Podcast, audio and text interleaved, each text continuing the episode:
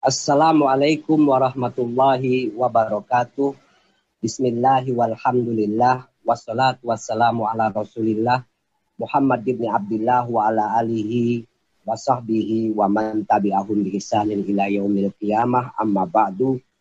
Faqala ta'ala ya ayyuhalladzina amanu idza qila lakum tafassahu fil majalisi fafsahu yafsahillahu lakum wa idza qila suzu fansuzu yang fa'illahu alladzina amanu minkum walladzina utul ilma darajat. Wa qala Rasulullah sallallahu alaihi wasallam man salaka tariqan yaltamisu fihi ilman sahalallahu lahu tariqan ilal jannah al hadis au kama qala Rasulullah sallallahu alaihi wasallam. Para pemirsa 1414 channel yang dirahmati oleh Allah, Selamat berjumpa kembali dengan saya dalam rangka pengajian rutin yang biasa dibacakan setiap hari Selasa sore. Kitabnya adalah kitab Tauhid Fathul Majid yang merupakan syarah dari kitab Ad-Dur Al-Farid fi Aqaidi Ahli Tauhid. Kitab Fathul Majid ini ditulis oleh Imam Nawawi Al-Bantani, ulama Nusantara yang merupakan guru dari banyak ulama-ulama di Indonesia juga kitab ini mensyarahi atau menjelaskan dari matan atau kitab kecil yang ditulis oleh uh, Imam Nahrawi yang berjudul Ad-Dur Al-Farid fi Aqaidi Ahli Tauhid. Pada kesempatan yang lalu kita sudah masuk pada pembahasan tentang sifat wajib bagi Allah yang ketiga yaitu Al-Qidam. Kita tahu sifat wajib bagi Allah ada 20. Yang pertama adalah wujud, yang lawannya adalah Adam, yang kedua adalah Kidam, lawannya adalah hadis, Kidam itu artinya terdahulu, dan yang ketiga adalah Bako, kekal, yang lawannya adalah Fana atau Sirna. Maka pada kesempatan kali ini kita akan membahas sifat wajib bagi Allah yang keempat, yaitu sifat al-mukhalafatu lil hawadis, yang artinya adalah bahwa Allah itu berbeda sama sekali dari makhluk-makhluk, baik zatnya ataupun sifatnya ataupun perbuatannya. Nah, bagaimana penjelasannya? Mari kita mulai membahas sifat wajib bagi Allah yang keempat. As-sifatu al-wajibatu As-sifatu ar-rabi'atu al-wajibatu, sifat keempat yang wajib lahu ta'ala bagi Allah subhanahu wa ta'ala adalah al-mukhalafatu hawadis. Bahwa Allah itu memiliki sifat yang sama sekali berbeda dari makhluk. Baik manusia, binatang, tumbuhan, gunung, matahari, laut, dan lain sebagainya. Satu pun tidak ada yang sama dengan Allah. Artinya Allah itu tidak memiliki sesuatu yang menyerupainya Allah tidak ada yang menyamainya.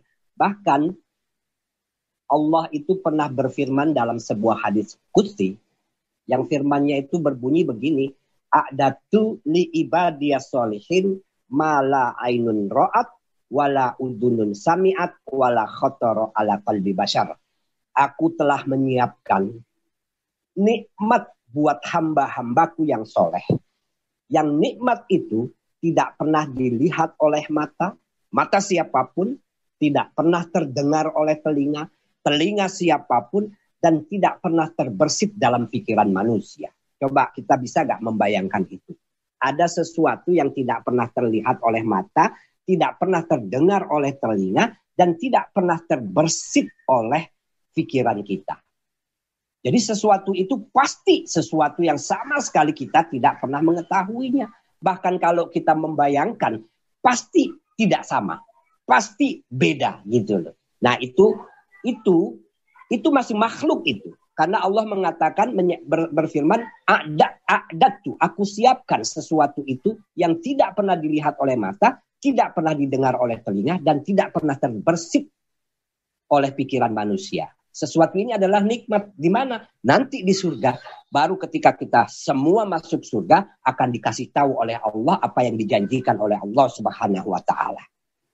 Nah, tapi ini makhluk yang namanya makhluk aja ternyata ada sesuatu yang sama sekali tidak terbayangkan oleh manusia. Tidak terfikirkan oleh manusia. Apalagi zatnya Allah subhanahu wa ta'ala. Maka Allah itu memiliki sifat yang wajib. Yang keempat yaitu al-mukhalafatu lil hawadis. Bahwa Allah itu berbeda dengan makhluk. Uh, Ay al makhlukat yaitu para makhluk. Ay la yumasiluhu artinya tidak ada yang menyamai Allah syai'un apa pun minal makhlukati dari para makhluk itu. Baik tidak sama itu la fi datihi baik di dalam zatnya wala fi sifatihi dan tidak sama di dalam sifatnya wala fi af'alihi dan tidak sama di dalam perbuatannya. Ai yaitu maksudnya anna zatallahi sesungguhnya Allah zatnya itu azza wa jalla laisat jirman. Zatnya Allah itu tidak terbentuk dari materi. Ah itu. Bayangkan Allah itu ada, zatnya Allah itu ada, tapi zatnya Allah itu bukan materi. Makanya Allah itu zatnya berbeda dengan makhluk. Kenapa? Karena kalau yang namanya makhluk pasti terbuat dari materi, pasti terdiri dari materi meja, kursi, rumah, manusia, binatang, tumbuhan, hewan, ikan di lautan, dan lain sebagainya. Semuanya itu adalah materi.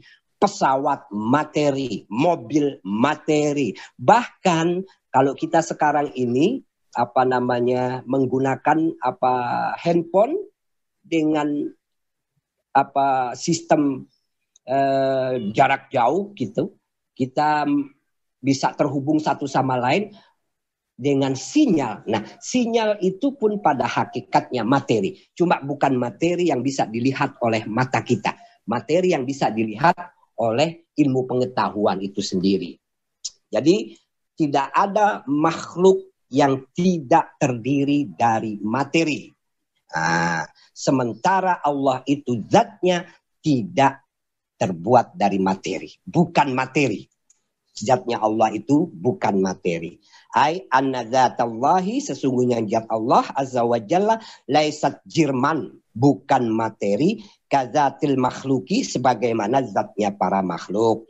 Wasifatuhu dan sifatnya Allah Ta'ala laisat kasifatil makhlukat tidak sama dengan sifat-sifat makhluk yang hadisatun mahsusatun yang bersifat apa uh, sifat-sifatnya makhluk itu bersifat hadis baru dan tertentu khusus. Contohnya kita punya sifat manusia ini makhluk punya sifat apa namanya berwarna putih kulitnya, berwarna hitam dan lain sebagainya, punya sifat yang rambutnya hitam, rambutnya putih dan lain sebagainya. Itu namanya sifat. Nah, sifatnya Allah itu tidak sama dengan sifatnya makhluk karena kalau sifatnya makhluk itu bersifat baru.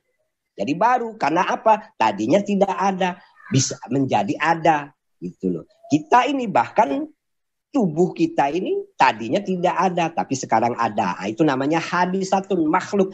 Apa sifatnya makhluk sementara sifatnya Allah itu tidak hadisah, tapi sifatnya Allah itu kidam, bako dan seterusnya itu. Uh, uh, artinya Wa af'aluhu dan perbuatannya Allah itu laisat tidak sama ka'af'ali tidak ka'af'alil makhlukat seperti perbuatannya makhluk gitu. Kita ini bisa melihat, bisa mengangkat barang, bisa menulis, bisa memegang makanan, bisa me, apa namanya bahkan untuk mencubit orang, mengelus-ngelus orang lain dan lain sebagainya. Itu adalah perbuatan-perbuatan yang sifatnya baru muktasabatun istilahnya. Perbuatan yang diusahakan oleh kita, tapi muktasabatun itu ada bantuannya. Kita melihat perlu mata, kita mendengar perlu telinga. Itu namanya muktasabatun. Kita memegang perlu tangan. Kita merasakan makanan perlu adanya lidah untuk mengecap dan lain sebagainya. Nah, perbuatan manusia ini disebut muktasabatun. Artinya perbuatan yang dilakukan atau terjadi karena ada bantuan yang lainnya, yaitu tangan, mata, telinga, dan lain sebagainya. Walaisa kami selihi, ya, sementara Allah itu perbuatannya sama sekali tidak memerlukan apa-apa. Jadi perbuatan Allah itu ketika Allah ingin melakukan sesuatu, kalau manusia melakukan sesuatu membutuhkan tangan, membutuhkan mata, membutuhkan telinga. Allah sama sekali tidak membutuhkan itu semua. Bagaimana? Wallahu a'lam. Karena itulah di dalam Al-Quran ditegaskan, Laisa kamislihi syai'un. Tidak ada sesuatu pun yang sama dengan Allah subhanahu wa ta'ala. Nah, ayat Laisa kamislihi syai'un ini kalau dalam ilmu tafsir dibahas nih Kamislihi lafat kafnya itu ka itu diartikan sebagai ziyadah. Jadi maknanya ada mak, maknanya adalah bahwa tidak ada yang mirip dengan Allah. Apa pun itu tidak ada yang sama dengan Allah.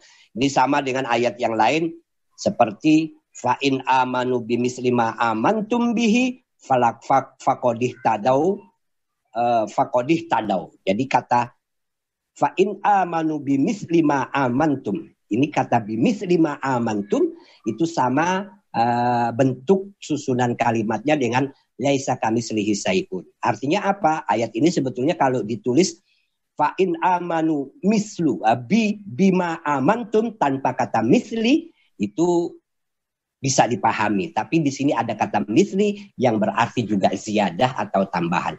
Sama dengan kata laisa kamislihi kata apa huruf kaf dalam ayat itu bermakna uh, tambahan. Artinya apa?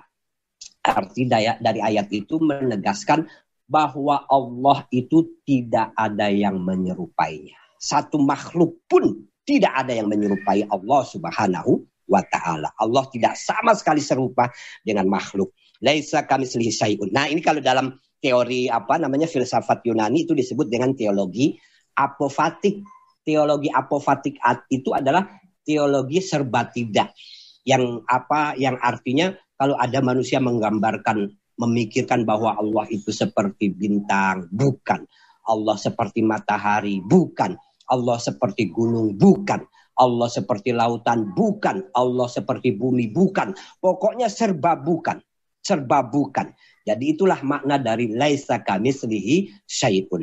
Maka dari itu kaum sufi terutama itu ketika berbicara tentang Tuhan, mereka lebih menghayati dengan perasaan bukan dengan pikiran untuk mendekatkan diri kepada Allah Subhanahu wa taala. Karena bagi mereka mereka adalah orang-orang yang sudah sampai pada level bahwa Allah itu tidak bisa difikirkan zatnya.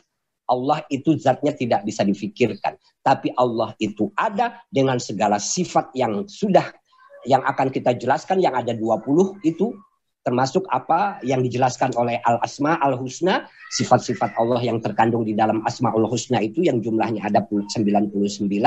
Nah, dari sifat-sifat itu para ulama kemudian menghayati keberadaan Allah tanpa pernah memikirkan hakikat zat Allah Subhanahu wa taala karena memang hakikat zat Allah tidak akan pernah bisa difikirkan oleh otak manusia.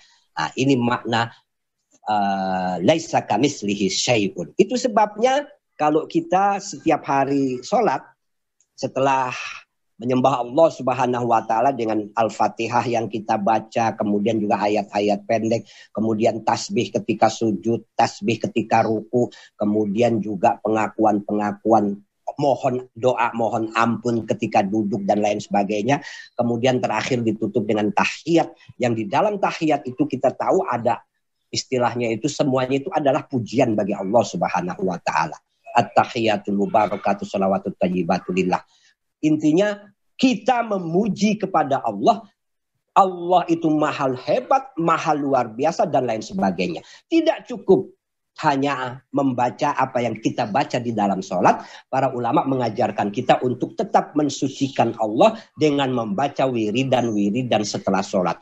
Tasbih, subhanallah, walhamdulillah, wala ilaha illallah wallahu akbar. Itu merupakan kesadaran penuh. Ya Allah aku tidak bisa memahami zatmu. Aku tidak bisa memikirkan zatmu. Yang jelas engkau adalah maha suci dari segala apa yang kami pikirkan yang jelas engkaulah pemberi nikmat kepada kami maka alhamdulillahi rabbil alamin. Yang jelas engkau adalah maha besar maka Allahu akbar. Dan yang jelas tidak ada Tuhan selain engkau wahai Allah La ilaha illallah.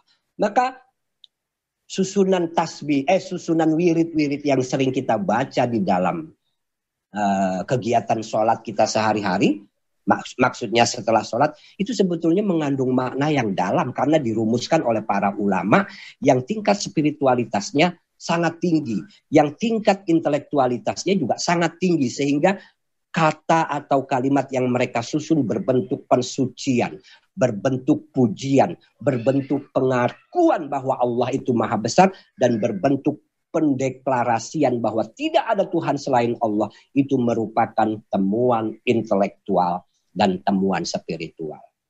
Maka kita penting sekali mengucapkan wirid-wirid itu dengan kesadaran yang seperti saya jelaskan itu tadi. Kenapa kita harus mengucapkan subhanallah yang artinya adalah maha suci Allah? Karena memang Allah itu maha suci dari apa yang kita bayangkan. Allah maha suci dari apa yang kita katakan. Karena dalam salah satu kalimat sifat wajib bagi Allah di dalam ilmu tauhid ini yang keempat adalah al-mukhalafatu lil hawadis. Maka orang kalau pernah mungkin membayangkan Allah itu berbentuk ini, berbentuk itu. Allah berada di atas, Allah berada di kanan, Allah berada di sisi mana. Nah, itu sama sekali tidak benar. Karena Allah itu tidak membutuhkan tempat. Allah tidak ada di atas, Allah tidak ada di bawah, Allah tidak ada di di uh, mana pun. Tapi kata Allah, kata Allah di dalam sebuah hadis kursi itu, uh, Allah pernah berfirman di dalam sebuah hadis kursi itu ma wasa'ani ardi wala samai wa inna ma wasa'ani kolbu abdi uh, al mukmin. Jadi aku ini tidak akan bisa kalau aku seandainya bumi dan langit ini menjadi tempatku pasti tidak muat kata Allah Subhanahu wa taala karena Allah Maha besar. Tapi aku ini bisa bertempat di hati hambaku yang mukmin kata Allah. Nah, oleh para ulama kalimat ini tetap harus ditakwil, harus dipahami bahwa ketika Allah itu bisa bertempat di hati hambanya yang mukmin bukan berarti Allah itu nongkrong di hati seorang hamba yang mukmin bukan seperti umpamanya kita nongkrong duduk di sebuah kursi bukan tapi yang dimaksud wasaani kolbi kolbu uh, abdi mukmin aku muat atau bisa bersemayam di dalam hati hambaku yang mukmin itu adalah artinya haibatullah wa rahmatuhu fi kolbil abdi al mukmin jadi kehebatan Allah kemudian juga rahmatnya Allah itu bertempat bisa bertempat di hati hambanya yang mukmin.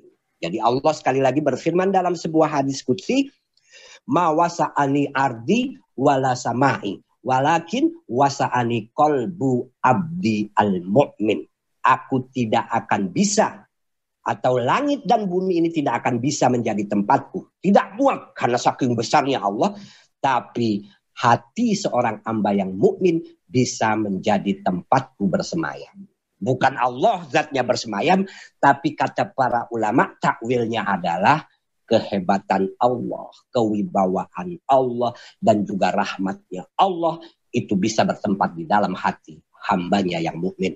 Nah, orang mukmin yang ketika hatinya itu sudah menjadi tempat kehebatan Allah, tempat kewibawaan Allah, dan tempat rahmatnya Allah. Tapi ini untuk mencapai itu pasti perjalanannya panjang. Orang sudah sampai level itu, itu pasti orang itu penuh kasih sayang orang itu penuh wibawa, orang itu bijak dan lain sebagainya. Maka kalau kita ingin mengenal orang yang betul-betul hatinya sudah jadi tempat kehebatan Allah, jadi tempat kebijaksanaan Allah, jadi tempat rahmatnya Allah itu kita bisa lihat dari perilakunya, pancaran sikapnya, Pasti orang seperti itu akan bijak, akan toleran, akan humanis, akan memancarkan cinta dan kasih sayang kepada siapa pun. Nah, kita sebagai orang mukmin harusnya setiap hari berupaya untuk menjadi orang seperti ini. Artinya orang yang betul-betul hati kita itu menjadi tempat rahmat dan kehebatan Allah Subhanahu wa taala sehingga pada akhirnya hidup kita itu bisa bermanfaat buat orang lain dengan perbuatan-perbuatan yang terpancar dari hati yang sudah penuh dengan rahmat dan kasih sayang itu.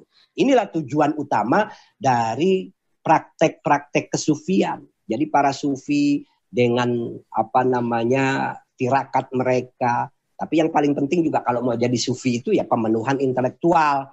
Jangan belum menjadi intelektual, belum punya ilmu, tahu-tahu pengen cepat-cepat jadi sufi. Nah biasanya suka tersesat yang seperti itu. Nah ini makna dari al-mukhalafatu lil hawadisi bahwa Allah itu sama sekali berbeda dengan makhluk, baik zatnya maupun sifatnya maupun perbuatannya. Sama sekali berbeda dari makhluk. Maka jangan sekali-sekali kita itu membayangkan bahwa Allah itu seperti gunung, seperti apa namanya langit, seperti matahari, seperti bintang. Tidak semuanya itu sama sekali tidak akan pernah sama dengan Allah Subhanahu wa taala. Nah, Imam Nawawi ini menjelaskan dalam kitab ini pentingnya memahami dan meyakini dengan baik dan benar sifat Allah mukhalafatul hawadis. Berbeda dengan makhluk. Karena ini menjadi bekal untuk menghadapi dua fitnah besar kata Imam Nawawi. Yang pertama fitnah di dunia dan yang kedua fitnah di akhirat nanti. Apa fitnah pertama di dunia ini? Yaitu kemunculan Dajjal kata Imam Nawawi. Jadi kalau orang yang tidak punya keyakinan bahwa Allah itu al-mukhalafah lil hawadis, ini bisa menjadi pengikut Dajjal. Bisa jadi pengikut Dajjal. Kenapa? Karena dijelaskan oleh Imam Nawawi, nanti itu akan muncul Dajjal. Dan Dajjal ini besarnya luar biasa. Matanya cuma satu, kemudian di dalam apa di atas dahinya ini ada tulisan kafaro, kafir gitu. Nah, manusia yang buta huruf pun bisa melihat tulisan kafir di jidatnya si si Dajjal ini. Dan Dajjal ini punya pengikut yang banyak, punya pengikut banyak. Dasar Dajjal ini bisa mengatakan kepada tanah, hei tanah tumbuh pohonan, pohon tumbuh. Dajjal bisa berkata kepada air, hai air mengalirlah, air mengalir. Hai air teraliri wilayah ini, air mengalir.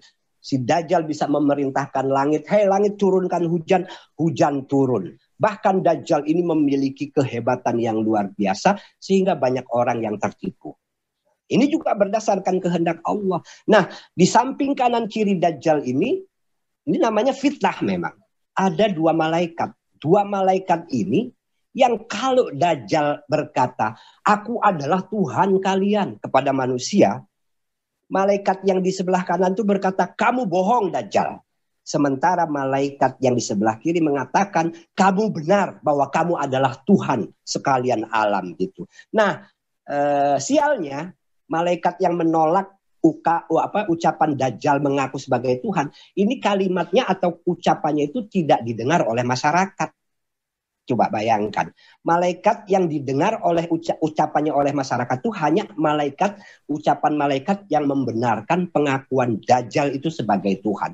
Itu sebabnya kemudian banyak orang yang tertipu sehingga orang kemudian menjadi pengikut dan hamba Dajjal itu. Nah, oleh Imam Nawawi ditegaskan, tapi bagi orang yang sama sekali yang betul-betul memahami sifat wajib yang keempat ini, al-mukhalafatul hawadis bahwa Allah itu sama sekali berbeda dengan makhluk, dia dengan keyakinan itu menjadi modal bahwa dia tidak akan pernah mau mengikuti dajjal, bahwa dia tidak akan pernah tertipu oleh ucapan Dajjal yang mengaku sebagai Tuhan walaupun Dajjal sakti lah kalau bahasa sekarang ini. Luar biasa saktinya. Sehingga api pun disuruh menyala-nyala. Api disuruh padam-padam. Pohon yang tadinya belum berbuah ketika Dajjal bilang berbuahlah kamu berbuah pohon itu. Karena sakti Dajjal itu. Dia mengaku sebagai Tuhan. Malaikat yang di sebelah kanan mengingkari pengakuannya itu sementara malaikat di sebelah kiri membenarkan pengakuan si Dajjal. Nah, pengingkaran dari malaikat yang di sebelah kanan ini tidak didengar oleh masyarakat. Sementara malaikat yang sebelah kiri bukan pengingkar yang diucapkan oleh masyarakat apa malaikat di sebelah kiri justru didengar oleh manusia. Bagaimana kira apa namanya mungkin manusia itu bisa tidak tertipu Nah, yang tidak tertipu oleh Dajjal itu hanya orang-orang yang yakin dengan sifat Allah yang keempat bahwa Allah itu Tuhan itu laisa kamislihi syai'un memiliki sifat al-mukhalafatu lil hawadis. Sama sekali berbeda dari makhluk. Sementara dajjal itu masih makhluk karena badannya itu walaupun besar walaupun hebat masih ada fisik masih ada materi di dalam diri dajjal itu.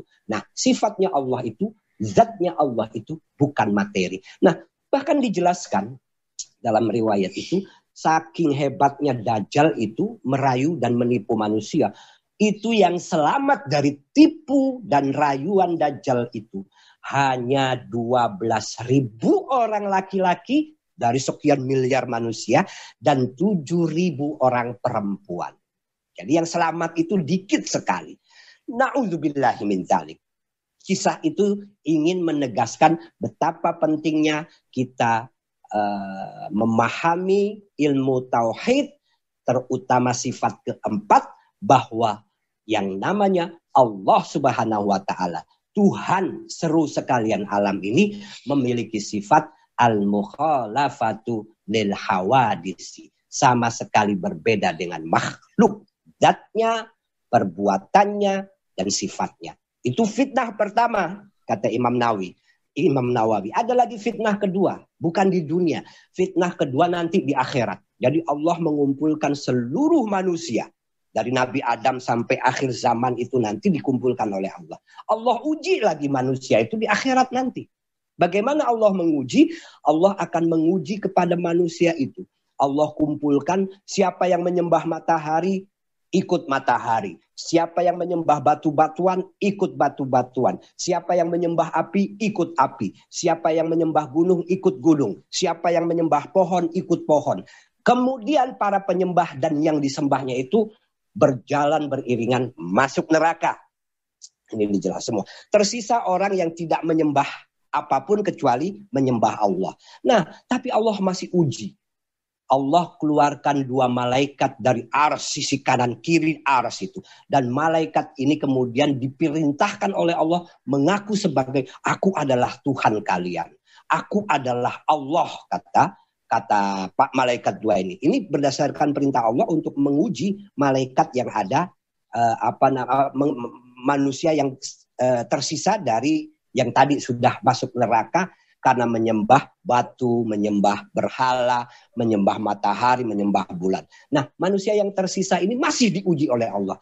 Tapi orang yang beriman, orang yang tauhidnya mantap, itu tidak akan pernah tertipu oleh pengakuan malaikat sebagai Tuhan itu. Mereka tetap menolak, oh tidak. Bagaimana mungkin kalian itu mengaku Tuhan sementara aku bisa melihat kalian sebagai fisik, sebagai materi gitu loh. Akhirnya apa? ketika mereka menolak pengakuan malaikat itu barulah Allah kemudian berfirman kepada mereka menggunakan entah apa yang Allah uh, gunakan untuk memberitahu kepada mereka aku adalah Tuhan kalian. Nah, ketika itulah akhirnya manusia itu tunduk menyembah kepada Allah, akhirnya mereka semua selamat melewati Sirotol Mustaqim dengan selamat masuk ke dalam surga bersama Nabi besar Muhammad Sallallahu Alaihi Wasallam. Jadi ada dua fitnah yang bisa diselamatkan atau manusia yang selamat itu kalau dia itu betul-betul meyakini sifat al-mukhalafatu lil hawadisi. Tidak akan pernah tertipu. Yaitu fitnah dajjal dan fitnah di akhirat nanti ketika Allah menguji lagi manusia sebagai pembersihan. Mana yang betul-betul bertauhid dengan baik dan benar. Dan mana yang menyembah selain Allah Subhanahu wa taala. Jadi begitu. Karena Allah itu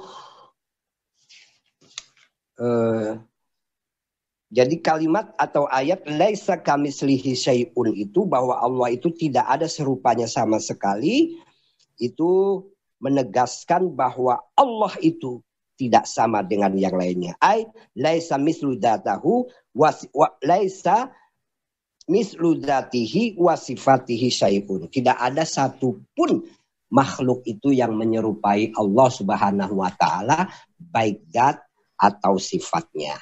Wadalilu ala wujubi mukhalafatihi ta'ala al, al bilil hawadis dalil atau argumentasi bahwa Allah itu berbeda dengan makhluk annahu sesungguhnya lau masalah sesu, se, se, seandainya Allah itu sama syai'an dengan sesuatu minha dari makhluk fidat baik di dalam zat wasifat dan sifat wal af'al lakana maka ada Allah hadisan Allah itu baru andai Allah itu zatnya terbuat dari darah dari sel ada dagingnya atau perbuatan Allah sama ketika Allah ingin melihat Allah pakai mata. Ketika Allah ingin mendengar, Allah pakai telinga. Itu namanya sama dengan manusia.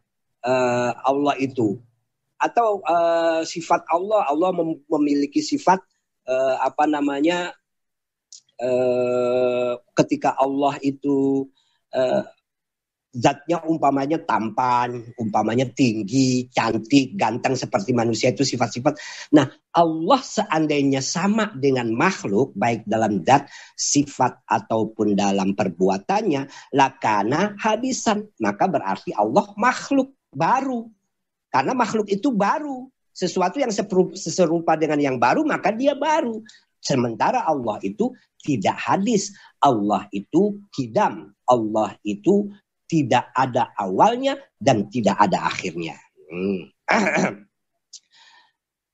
Lakana hadisan mislaha. Maka Allah berarti baru mislaha seperti makhluk. Makhluk-makhluk lain. Lianna ma jaza ala ahadil, ala ahadil misla ini. Karena sesuatu yang bisa terjadi pada salah satu uh, sesuatu yang sama. Ada sesuatu apa dua dua dua dua sesuatu yang sama, ketika salah satunya itu punya sifat hadis, maka yang sama pun memiliki sifat hadis, yaitu baru sama-sama baru. Gitu loh. Jaza maka bisa juga alal akhor bagi yang lainnya. Wayalzimu maka kemudian akan terjadi apa yang terjadi? Daur. Daur itu seperti sudah saya jelaskan beberapa kesempatan yang lalu. Daur itu adalah Allah diciptakan oleh uh, sesuatu yang sama dengan Allah. Kemudian sesuatu yang sama dengan Allah ini menciptakan Allah. Bolak-balik saling menciptakan. Itu daur namanya. Daur, muter aja, muter aja gitu. Jadi Allah kayak Umar menciptakan Zaid. Zaid diciptakan oleh Umar. Ah, muter itu namanya daur. Nah, daur ini mustahil. Artinya apa? Karena memang tidak ada yang menciptakan Allah. Allah itu ada dengan sendirinya. Tidak ada awalnya, tidak ada akhirnya. Dan Allah itu tidak diciptakan. Karena Allah itu bukan hadis, melainkan kidam.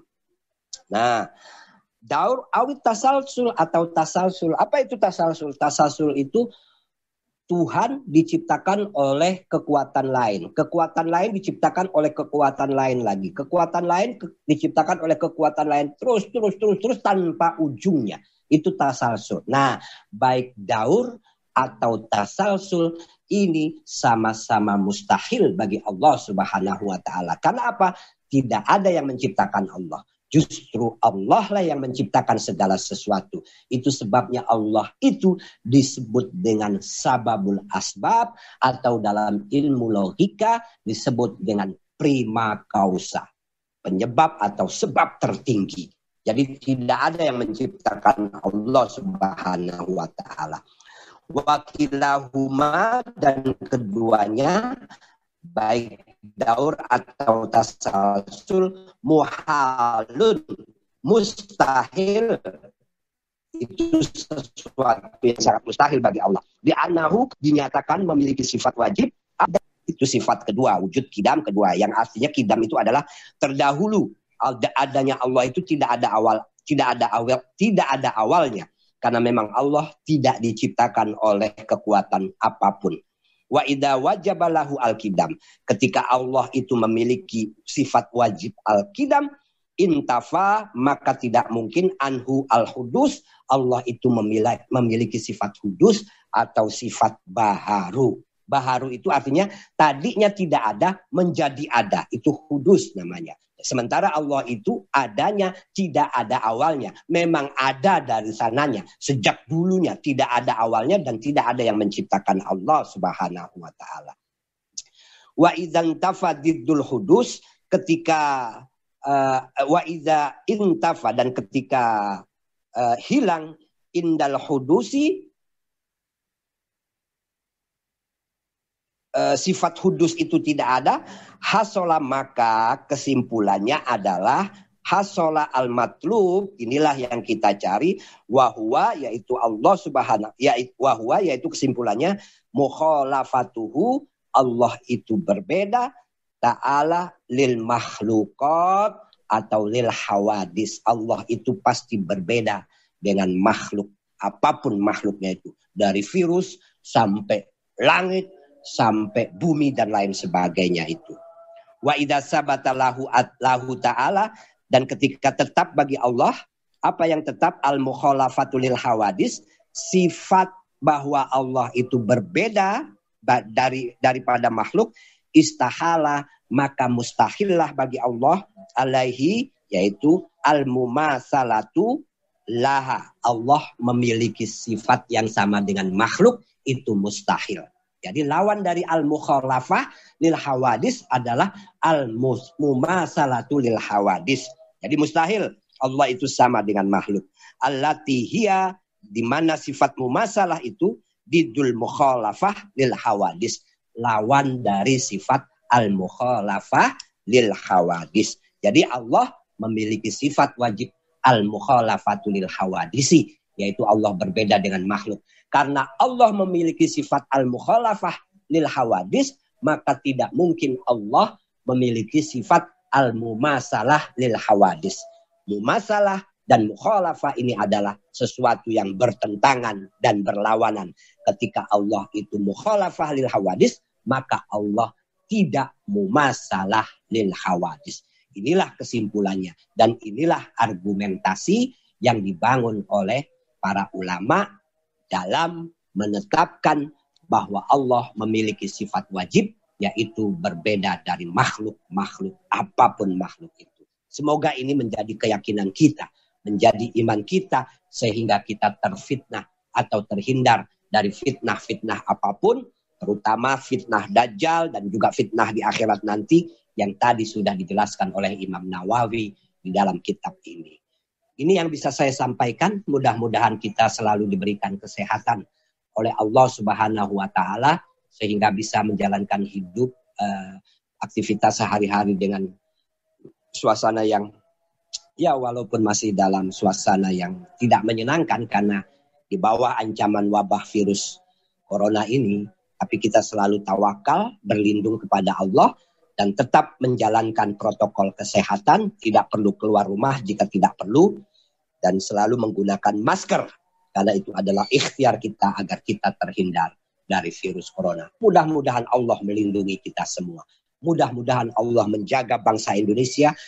Mudah-mudahan Allah menyelamatkan seluruh umat manusia di muka bumi ini dan menyegerakan berakhirnya wabah virus corona ini. Ini saja yang bisa saya sampaikan.